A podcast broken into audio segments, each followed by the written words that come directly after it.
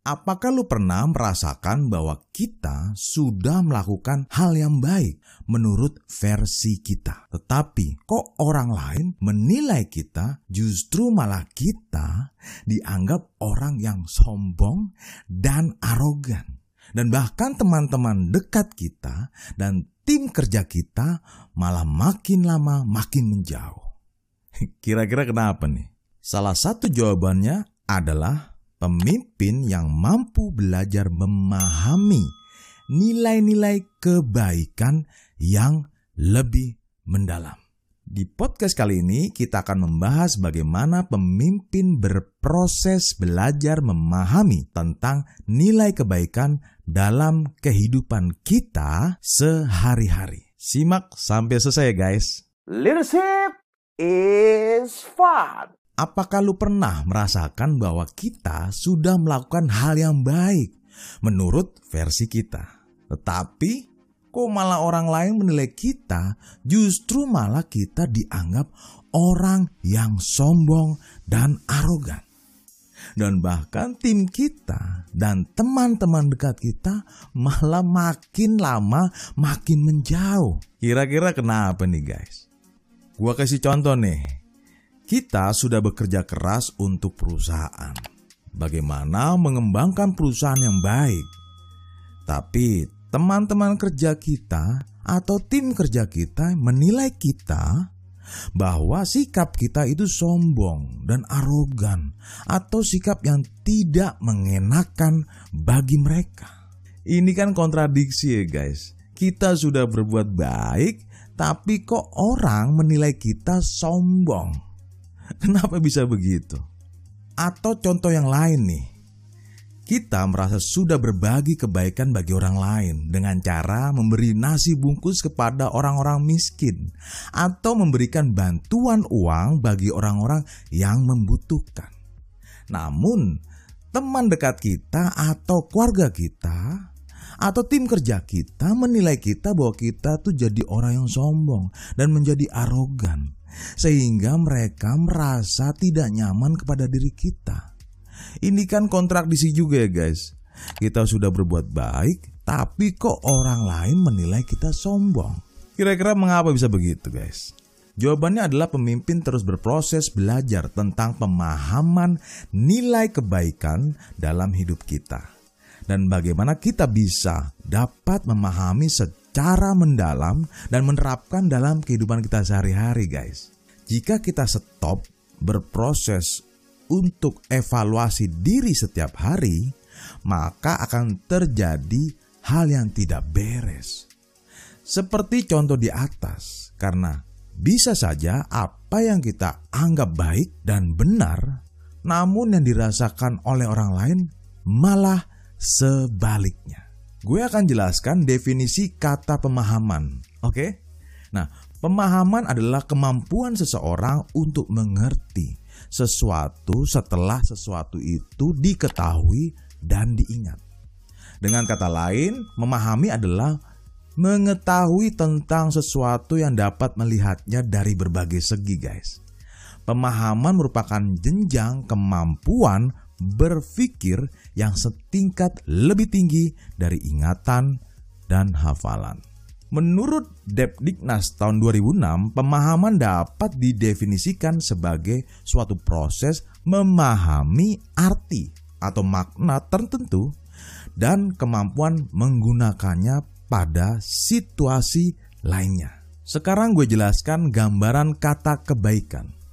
Menurut Wikipedia, definisi kata kebaikan adalah jenis perilaku yang ditandai dengan kemurahan hati, perhatian, atau perhatian kepada orang lain tanpa mengharapkan pujian atau penghargaan. Aristoteles mendefinisikan kebaikan sebagai membantu seseorang yang membutuhkan, bukan sebagai imbalan atas apa pun, atau untuk keuntungan penolong itu sendiri, tetapi untuk orang yang dibantu. Sebagai pemimpin, bagaimana kita bisa berproses memahami nilai kebaikan? Jadi, kata kuncinya berproses. gue akan memberikan perumpamaan agar kita bisa mempunyai gambaran yang lebih jelas lagi. Ada seorang penabur keluar untuk menabur benih. Pada waktu itu dia menabur, sebagian benih itu jatuh di pinggir jalan, lalu datanglah burung untuk memakannya sampai habis. Sebagian benih jatuh di tanah yang berbatu-batu, yang tidak banyak tanahnya. Lalu benih itu pun segera tumbuh. Karena tanahnya tipis, tetapi sesudah matahari terbit, layulah ia dan menjadi kering tanpa berakar. Sebagian benih yang lain jatuh di tengah semak berduri Lalu makin besarlah semak itu dan menghimpitnya sampai mati. Dan sebagian benih yang lain jatuh di tanah yang baik dan lalu berbuah. Ada yang berbuah 100 kali lipat, ada yang berbuah 60 kali lipat, dan ada yang berbuah 30 kali lipat.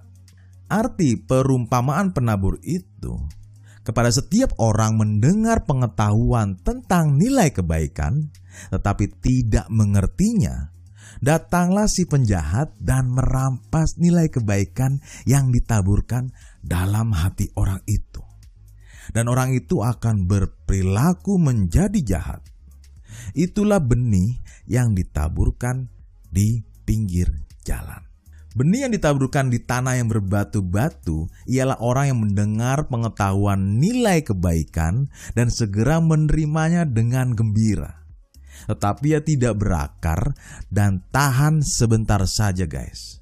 Apabila datang penindasan atau penganiayaan karena nilai-nilai kebaikan itu, maka orang itu pun segera berubah meninggalkan nilai kebaikan itu di dalam hidupnya. Benih yang ditaburkan di tengah semak duri ialah orang yang mendengar pengetahuan nilai kebaikan, lalu karena besarnya kekhawatiran dunia ini dan tipu daya kekayaan di dunia ini, sehingga kita bisa lupa diri akan diri kita sebenarnya. Maka terhimpitlah nilai kebaikan itu dan tidak membuahkan kebaikan selanjutnya terutama berbuah kebaikan bagi orang lain. Benih yang ditaburkan di tanah yang baik ialah orang yang mendengar pengetahuan nilai-nilai kebaikan dengan baik dan mengerti serta memahami dan karena itu ia berbuah kebaikan kepada orang lain. Ada yang seratus kali lipat, ada yang enam puluh kali lipat, ada yang 30 kali lipat. Pembelajaran yang kita dapat dari perumpamaan itu adalah yang pertama, pemimpin selalu terbuka pikirannya terhadap pengetahuan nilai-nilai kebaikan. Yang kedua, pemimpin selalu membuka hati yang baik agar kita bisa menerima nilai kebaikan dengan baik, guys. Yang ketiga, pemimpin selalu berproses terus-menerus untuk menggali lebih dalam sehingga kita dapat memahami secara mendalam nilai kebaikan yang kita dapat. Yang keempat, pemimpin terus komitmen untuk menerapkan nilai kebaikan dalam kehidupan kita sehari-hari. Yang kelima, pemimpin terus berbuah kebaikan dengan hati yang baik, maka dampaknya kebaikan itu akan dirasakan bagi orang lain. Pembahasan ini adalah salah satu program Self Leadership 4.0. Info lebih lanjut silakan hubungi kami ya. Gue berharap ini bermanfaat buat kita bersama. Demikian dan salam growth mindset Indonesia.